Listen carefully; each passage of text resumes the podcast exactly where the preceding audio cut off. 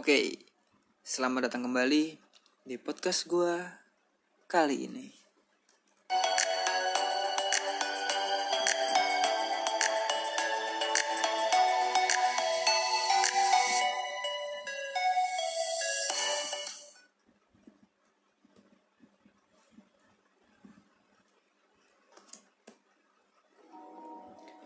Oke, jadi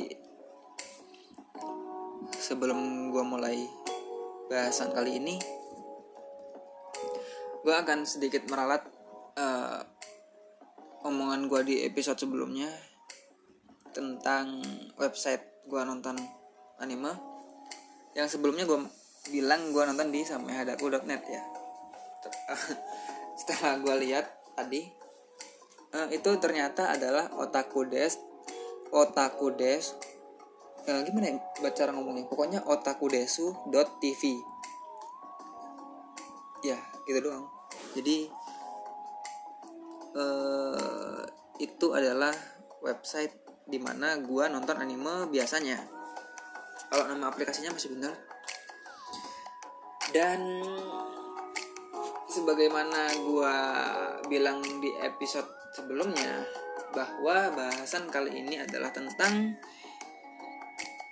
pentingnya nilai atau sebuah kejujuran.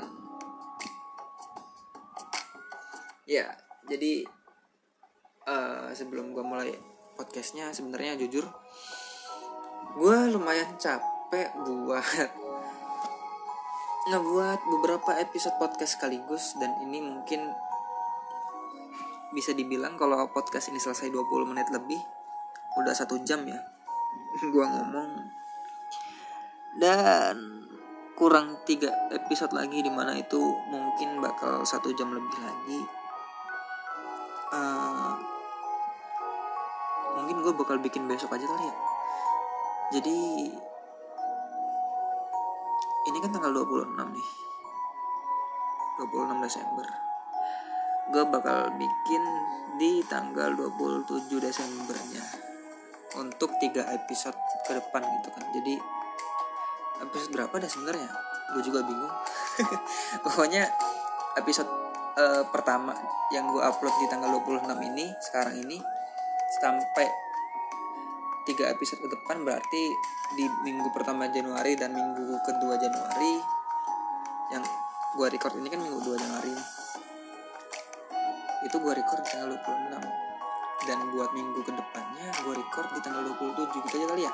Capek juga cuy ngomong satu jam kagak ada habisnya dan mari sejenak, sejenak kita beristirahat untuk membicarakan soal kerinduan karena sebagaimana kita tahu bahwa rindu ini tidak ada habisnya untuk dibicarakan.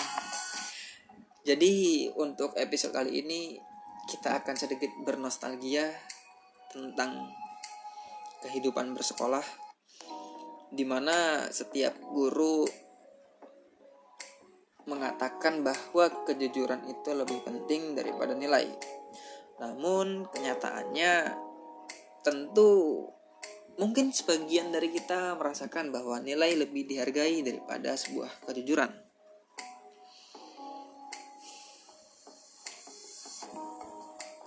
Kita semua tahu dan paham bahwasannya murid yang cerdas akan tetap mendapat remedial karena kejujurannya. Meskipun uh, gimana ya? Ulangin ulangin. Kita semua tahu bahwa murid yang cerdas hanya karena mendapatkan nilai yang kecil akan tetap remedial meskipun kita semua tahu bahwa dia itu jujur. Sedangkan murid yang dalam tanda kutip kurang cerdas akan bisa lulus dengan mudah karena mendapat nilai yang bagus atau besar meskipun kita semua tahu bahwa ia mencontek. Dan itu menjadi dasar atau menjadi bukti bahwasanya nilai di atas jauh di atas jauh lebih penting daripada sebuah kejujuran di mana sistem sebenarnya gue nggak bisa ngomongin sistem pendidikan juga ya karena gue masih belum berani, belum mampu untuk mencapai ranah yang bukan milik gue. Jadi sebenarnya gue juga agak hati-hati ngomongin episode kali ini tapi gue bakal ngomongin sebagaimana yang gue rasakan dulu waktu masih sekolah dan mungkin lo semua yang masih sekolah juga rasakan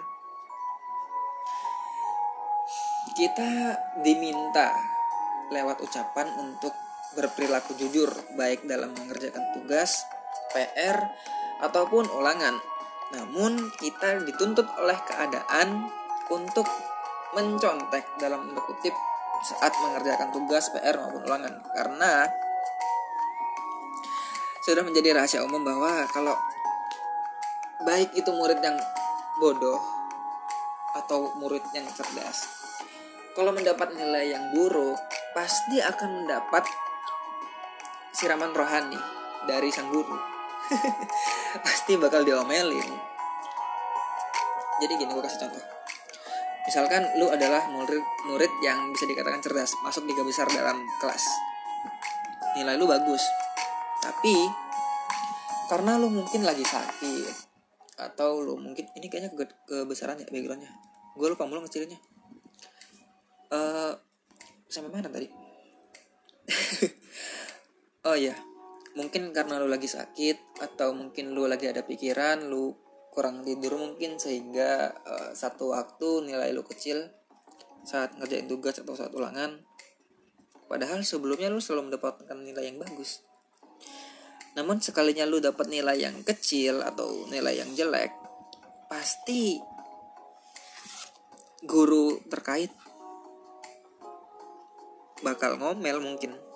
Atau uh, bersembunyi dalam sebuah kedok yang bernama menasehati padahal nada yang digunakan adalah sebuah komelan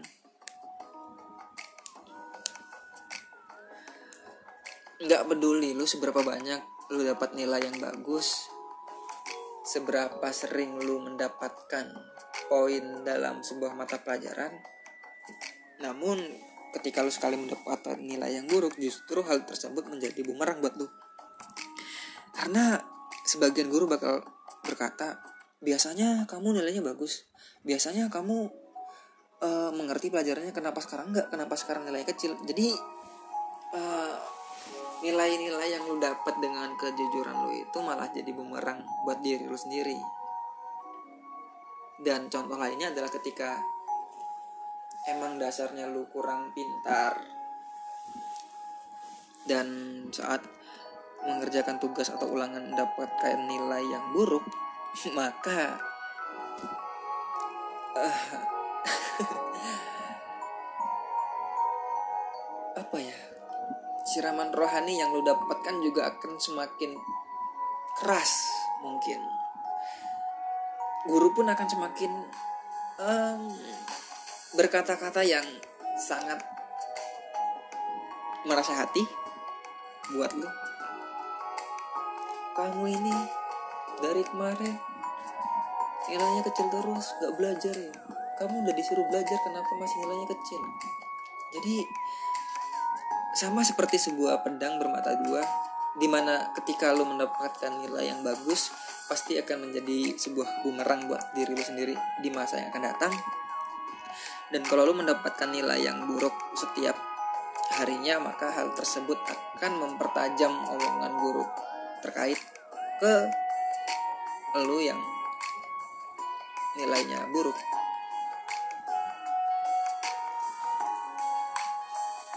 Sebenarnya kalau mau mengedepankan kejujuran ya menurut gua pribadi guru pun harus bersikap sportif ketika ada murid yang dasarnya memang pintar atau cerdas mendapatkan nilai yang bagus di setiap ulangan, setiap tugas ataupun lain sebagainya. Ketika dia mendapatkan nilai yang cukup buruk suatu waktu, maka mungkin hal yang tepat untuk dilakukan adalah bertanya, kenapa dia bisa mendapatkan nilai yang sebegitu kecilnya, padahal biasanya dia dapat mengerti pelajaran dengan baik. karena mungkin ada sesuatu yang mengganggu seorang siswa sehingga mengganggu pendidikannya juga kalau yang gue alami dulu kan mau lu pinter mau lu bodoh ya kalau lu dapat nilai kecil ya lu, lu remet sehingga gue dan teman-teman gue pun mendapatkan sebuah solusi yaitu mencontek supaya tidak mendapatkan siraman rohani dari sang guru.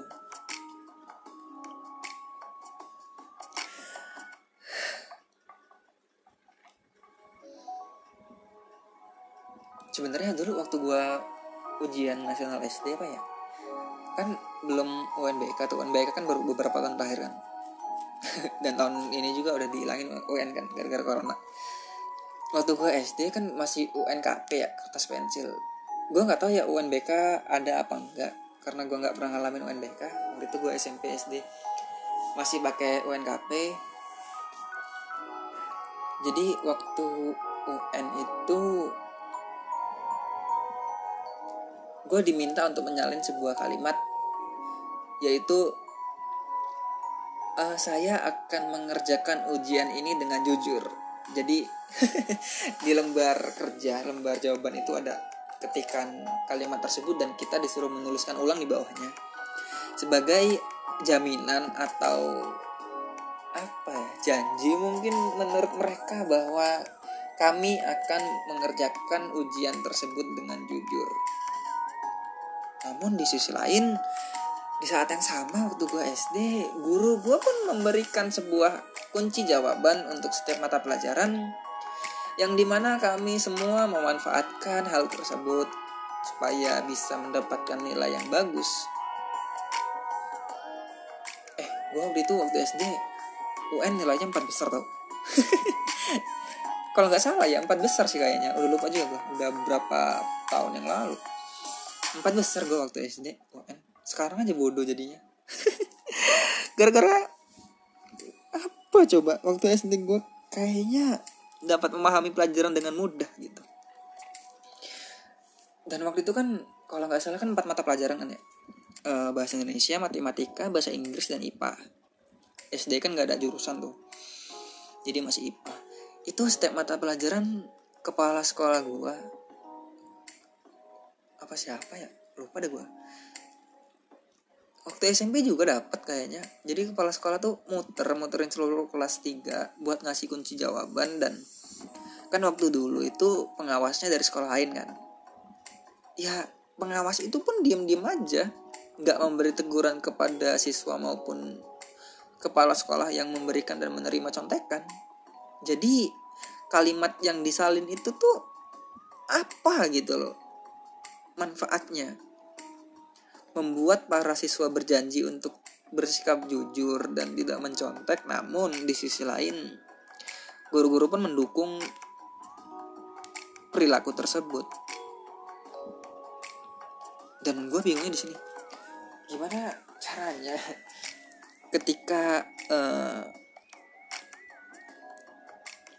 waktu ujian gitu diminta untuk jujur tapi guru memberikan kunci jawaban namun saat ujian semester mungkin harus benar-benar jujur dan tidak boleh sama sekali mencontek ataupun memberikan kunci jawaban kepada teman sebelahnya.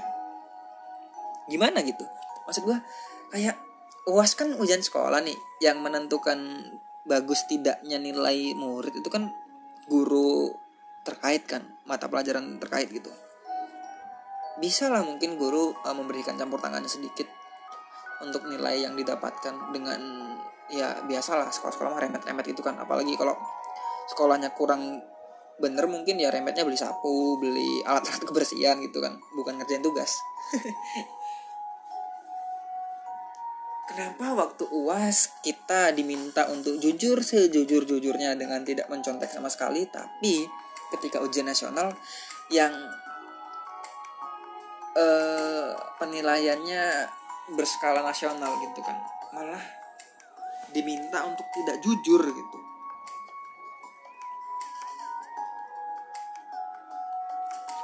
Sebenarnya jujur dalam sekolah itu cukup cukup membosankan. Karena kalau kita jujur nih ngerjain tugas di buku dan setiap soal yang kita kerjain itu kita bener-bener nyari di buku paket. Di LKS mungkin kalau sekarang ya. Bener-bener nyari ngebacain halaman per halaman bab per bab materi per materi gitu ya. Tapi di sisi lain teman kita yang mencontek ini tinggal ngetik soalnya di Brandy ketemu jawabannya. Dan kalau nilai kita lebih buruk daripada orang yang mencontek itu maka yang akan diomel atau yang akan mendapatkan sebuah hadiah spesial dari guru adalah kita yang jujur kita yang mendapatkan nilai yang kecil. Padahal kita sudah berusaha menegakkan sebuah prinsip sekolah. Dalam tanda kutip di mana kita harus jujur kita harus mengedepankan kejujuran daripada nilai. Maka dari itu hal ini yang terus mengganggu pikiran gue waktu gue masih sekolah kenapa lu nuntut gue buat jujur tapi lu lebih menghargai nilai yang besar dari hasil mencontek daripada nilai yang kecil dari hasil kejujuran? Kalau lu emang lebih menghargai nilai ya bilang aja. Ya harus jujur gitu kan. Mencontek boleh asalkan nilai kalian besar gitu. Ya nggak masalah kalau begitu kan orang-orang yang jujur dengan membaca buku di malam sebelumnya dengan belajar dengan giat setiap harinya bakal lebih nyaman gitu. Jadi nggak merasa kesel ketika dia udah capek-capek belajar tiap hari belajar tiap malam. Tetep aja nilainya kecil kalah sama yang nyontek. Di hari itu juga waktu ulangan.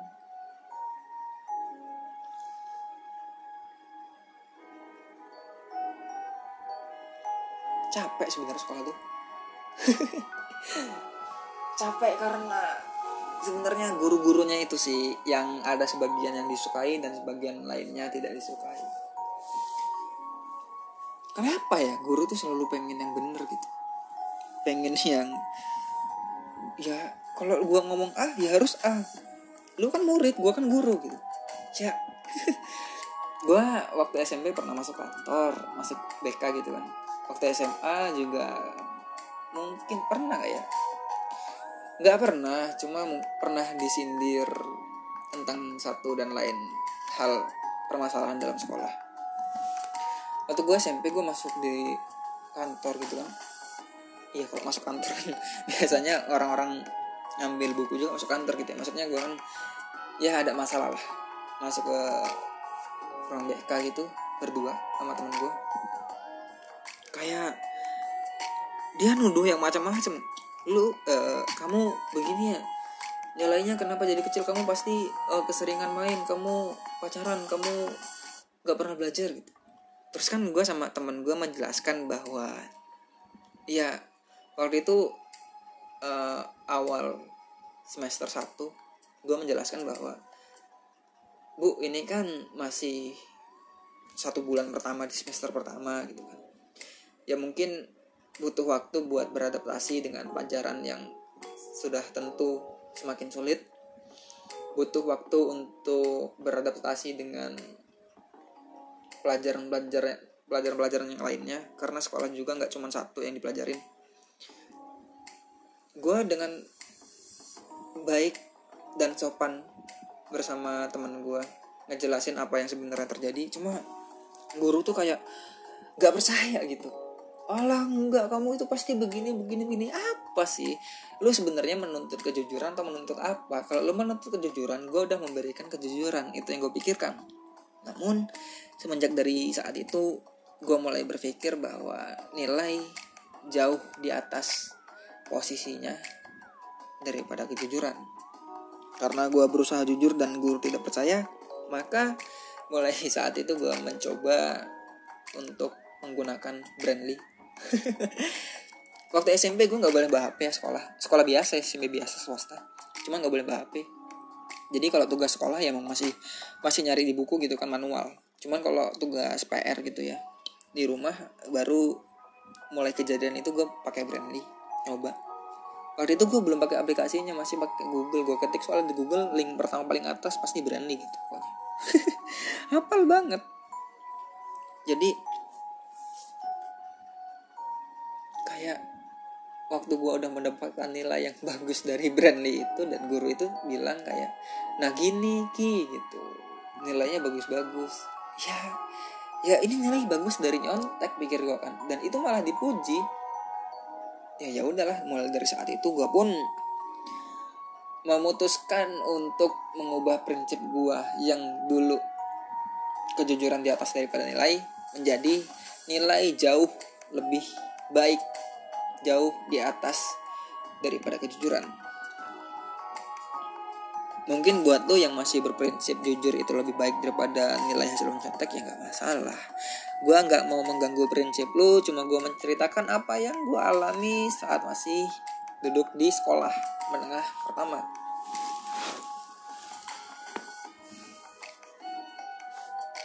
Gue suka mikir dah mungkin ini udah diungkapkan oleh beberapa orang ah bentar ya. Aus minum dulu. Ngomong satu jam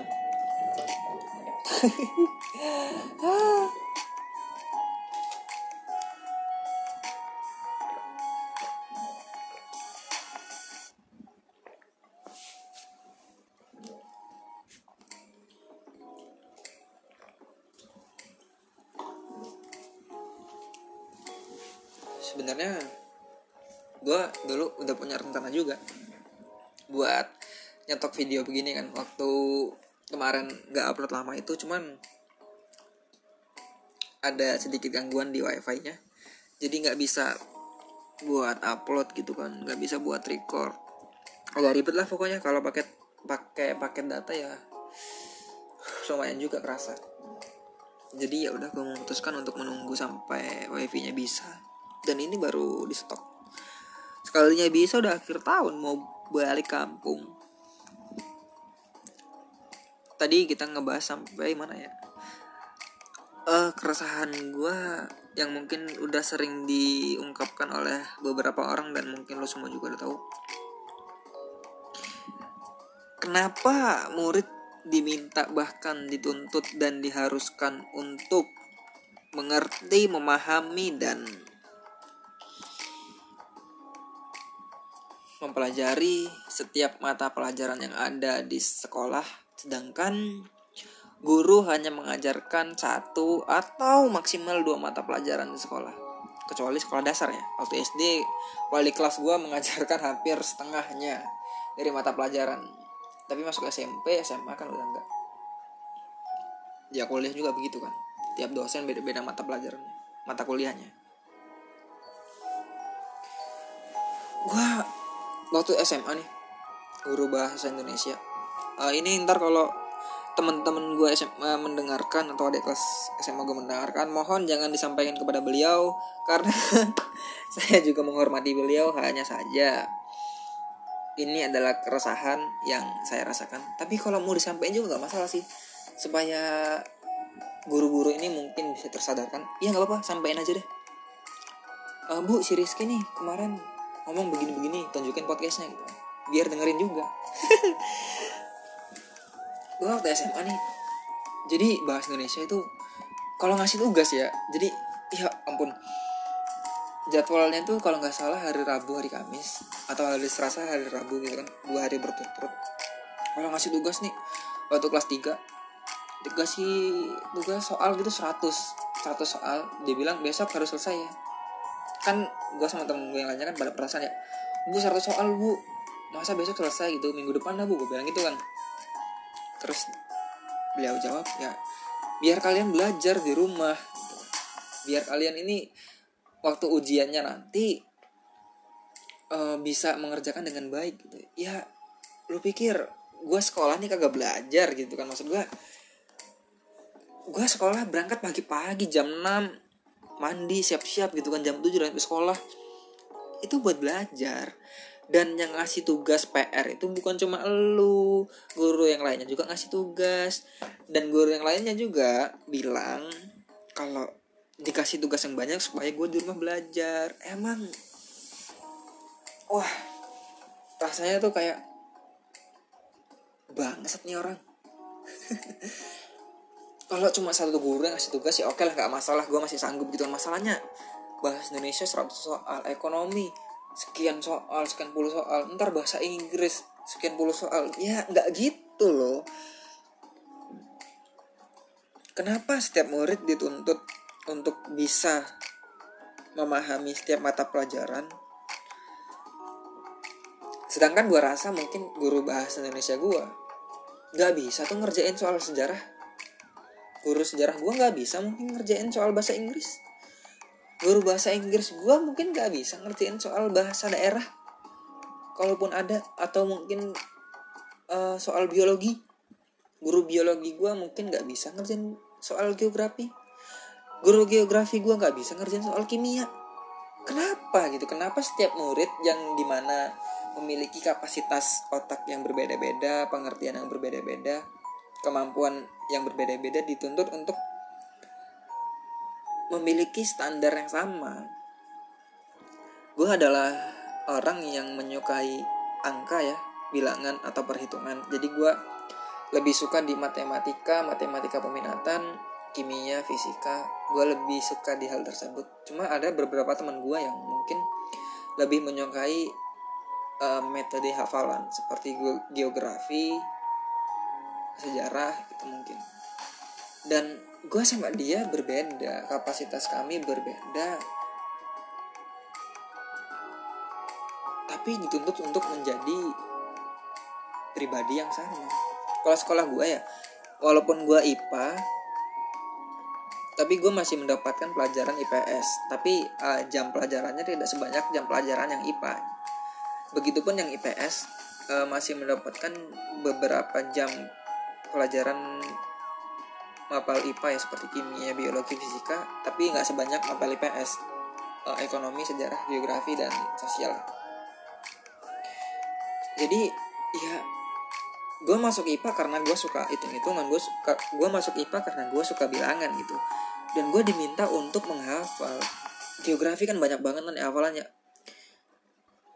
Apa uh, kalau nggak salah tuh waktu kelas 1 SMA itu materinya tenaga dari dalam bumi tenaga dari luar bumi dan eksogen endogen gitu kalau nggak salah. Terus uh, apa ya gue lupa. Pokoknya kayak savana sabana terus uh, apalagi ya gurun. Ya gitu gitulah tentang bioma bioma kalau salah. Bioma apa bioma apa gitu. Dan lu tau nggak? Jadi gue ngerti ini sedikit nggak tahu nih berapa menit berapa mata panjang kayaknya waktu ini. Karena gue suka nih bahasa ini. Gue mengerti materi bioma itu dari gue main game Minecraft. Kan di Minecraft itu kan ada buat lo yang main itu kan ada beberapa biom kan. Uh, gurun terus apa sih kalau yang pohonnya tinggi tinggi itu ada yang birchwood ada yang oakwood ada yang apa gitu kan. Jadi gue ngerti tuh dari situ. Uh, misalkan di biom yang gurun ada apa aja gitu. Biom yang hutan hutan ada apa aja gitu. Gue lupa dan nama-namanya. Kayaknya ada sembilan deh waktu nggak salah. Gue hafal tuh bukan dari guru gue hafal dari game gitu kan. Terus selain menghafal tentang uh, geografi yang luar biasa banyaknya gue juga diminta untuk menghafal sejarah di mana gue agak kurang bisa untuk menghafal. Sebenarnya gue suka sejarah. Gue suka sejarah tuh karena seru aja apalagi waktu masa-masa perang dunia kan. Perang dunia pertama perang dunia kedua itu ya jujur gue tahu juga masalah-masalah begitu bukan dari sekolah sih. Sebagian besar dari luar sekolah. Kayak misalkan perang dunia pertama perang dunia kedua itu kan perang dunia pertama kan filosofinya Attack on Titan ya Shingeki no, Shingeki Kyojin. Jadi gue baca-baca sedikit itu. Terus gue juga main game World Conqueror kalau salah. Itu dia bisa dari perang dunia pertama perang dunia kedua perang pasifik gitu gitu gue juga main. Dan gue ngerti itu dari situ di mana uh, questnya di game tersebut kan untuk misalkan kita di pihak Nazi eh, eksis ya kalau salah ya. Itu uh, untuk nyerang ini kan. Jerman kita sebagai Jerman nyerang Polandia gitu kan. Uh, masalah awalnya perang dunia pertama. Kalau kita sebagai uh, alians aliansi ya itulah pokoknya Amerika Inggris dan sebagainya itu kan untuk menghentikan serangan tersebut gitu kan ya. Ya gitulah pokoknya. Jadi gue paham itu nah dari film juga film yang Pearl Harbor itu yang penyerangan Jepang ke pangkalan laut Amerika Desember tanggal berapa? Tanggal 24 kalau salah. Kalau salah ya maaf lupa gue aja. Itu juga gue tahunya dari film terus perang dunia kedua itu masalah perang dunia pertama itu kan masalah keyakinan kan ya tentang uh, komunis ya Nazi membantai Yahudi gitu kan.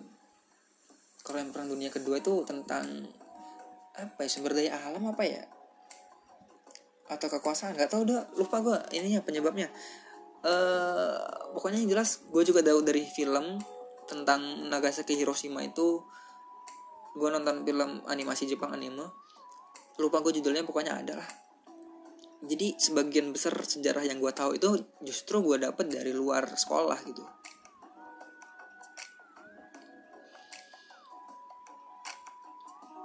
Gue yang ngerasa gue lebih bisa di bagian hitung-hitungan justru diminta untuk menghafal sebegitu banyaknya materi merasa cukup berat dan teman-teman gue yang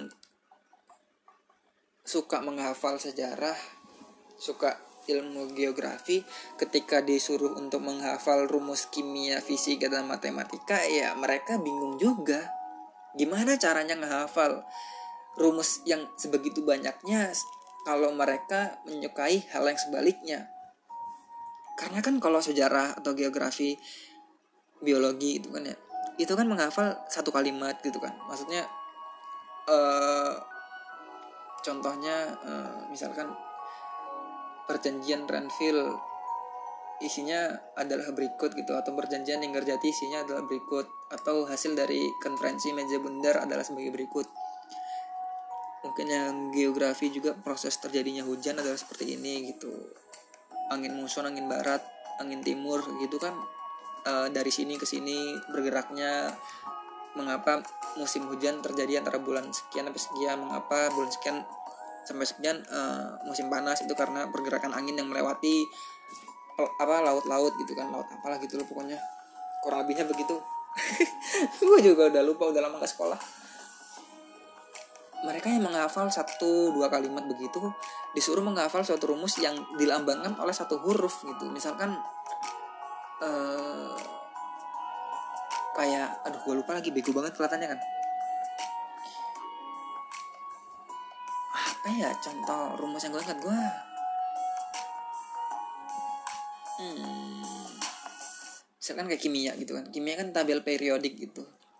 Sebanyak itu lu ngapalin dengan huruf huruf dua huruf gitu. Dan sedangkan besi dilambangkan dengan FE gitu misalkan. Ya gimana caranya buat mereka ngehafalin kata-kata yang berbeda gitu seperti besi dilambangkan dengan Fe dan itu juga kan ada angka apanya ya? Gue lupa juga.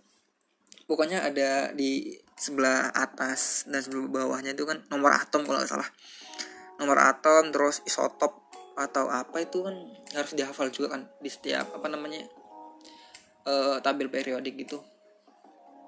Ya nggak bisa nggak bisa ngehafalnya gitu. Maksud gue tuh ya jangan terlalu dituntut buat menguasai semua mata pelajaran. Mungkin juga ada yang menyukai olahraga. Temen gue ada yang jago banget olahraganya cewek seneng banget olahraga main basket bisa main bola main apa aja lah cuma mungkin dia lemah di bagian bahasa Inggris gitu kan ya ya udah cukup mengerti dalam tanda kutip ya guru gue menjelaskan bahwa bahasa Inggris yang dipelajari di sekolah itu sebagaimana bahasa Indonesia yang dipelajari di sekolah. Wah, jadi panjang nih. 30 menit lebih. Kayak uh, ini kayaknya episode terpanjang yang pernah gue buat dah. Bahasa Indonesia di sekolah itu kan kalimat positif, negatif, kalimatnya gitu kan. Nah, misalkan uh, ibu pergi ke pasar. Eh gimana ya? Jangan gitu. Misalkan uh, ibu memakan roti. Roti dimakan ibu. Siapakah yang memakan roti? Begitu kan. Kalimatnya baku gitu kan. Nah yang bahasa Inggris juga itu kalau guru gua jelasin hampir sama seperti itu. Jadi bahasa Inggris yang kita pelajari di sekolah seperti misalkan subjek objek terus kasih pola kalimat pertama terus dikasih uh, to be bisa was bisa it bisa do atau apa gitu kan das itu ntar dikasih keterangan belakangnya. Itu sebenarnya sama seperti kalimat baku yang kita pelajari di, bahasa Indonesia. Dan gue pun menyadarinya ketika gue nonton film lagi-lagi film gue merhatiin subtitle dan cara bicaranya mereka. Ternyata mereka pun nggak sebaku itu ngomongnya. Ya biasa aja gue pun mengerti bahasa Inggris sekarang. Bukan dari sekolah. Sekolah itu cuma sebagian kecil. Gue mengerti bahasa Inggris sebagian besar dari nonton film dan main game. Karena bahasanya bahasa santai ngomongnya selayaknya ngomong biasa. Kayak kita di Indonesia ini ngomong sama temen kan biasa aja kan nggak nggak yang pakai bahasa baku gitu. Jadi ya kalau misalkan di sekolah nggak bisa bahasa Inggris ini nggak tahu ya gue di sekolah lu pada gimana? Cuman di sekolah gue dulu begini kalau lu nggak bisa bahasa Inggris ya nggak masalah juga di sekolah karena di sekolah tuh belajar bahasa Inggris yang baku gitu kan. Bukan bahasa Inggris yang ada di kehidupan sehari-hari. Mungkin ada di kehidupan sehari-hari seperti misalkan menawarkan bantuan meminta bantuan can you help me? I can help you. Uh, mengucapkan terima kasih mengucapkan selamat. Ya mungkin itu akan sangat membantu. Cuma ya cukup mengerti dasarnya aja. Nggak harus mengerti 100% karena gue selalu berpikir bahwa lu buat apa belajar kimia capek-capek? Kalau misalkan cita-cita lu tidak ada hubungannya sama sekali dengan kimia. Lu buat apa belajar sejarah kalau cita-cita lu nggak ada hubungannya sama sejarah gitu kan? Jadi ya normal-normal aja lah gak usah terlalu maksain buat mengerti satu mata pelajaran karena guru yang mengajar pun belum tentu mengerti semua mata pelajaran yang ada di sekolah tersebut. Kalau bisa jadi satu satu sampai lima besar ya bagus, sepuluh besar ya nggak masalah. Kalau lewat dari itu juga nggak usah maksain karena kemampuan lu bukan diukur dari seberapa cerdasnya lu di sekolah, tapi seber, seberapa bergunanya lu dalam masyarakat. Sekolah itu adalah tempat untuk mencari teman, mencari pengalaman dan mencari ilmu pengetahuan. Tapi untuk mencari arti kehidupan yang sesungguhnya tentang bagaimana beratnya menjalani cobaan dan rintangan yang ada, lu belajar dari pengalaman hidup lu, bukan dari sekolah lu. Percaya sama gue, meskipun lu nggak berhasil di sekolah lu, lu masih punya kesempatan yang besar untuk bisa berhasil di hidup lu banyak kok uh, tokoh-tokoh yang gak lulus sekolah banyak orang-orang yang lulus sekolah juga nggak jadi apa-apa. Jadi ya santai aja lah. Jangan terlalu maksain. Tapi jangan jangan jangan terlalu meremehkan. Harus tetap belajar. Cuma jangan sampai sakit.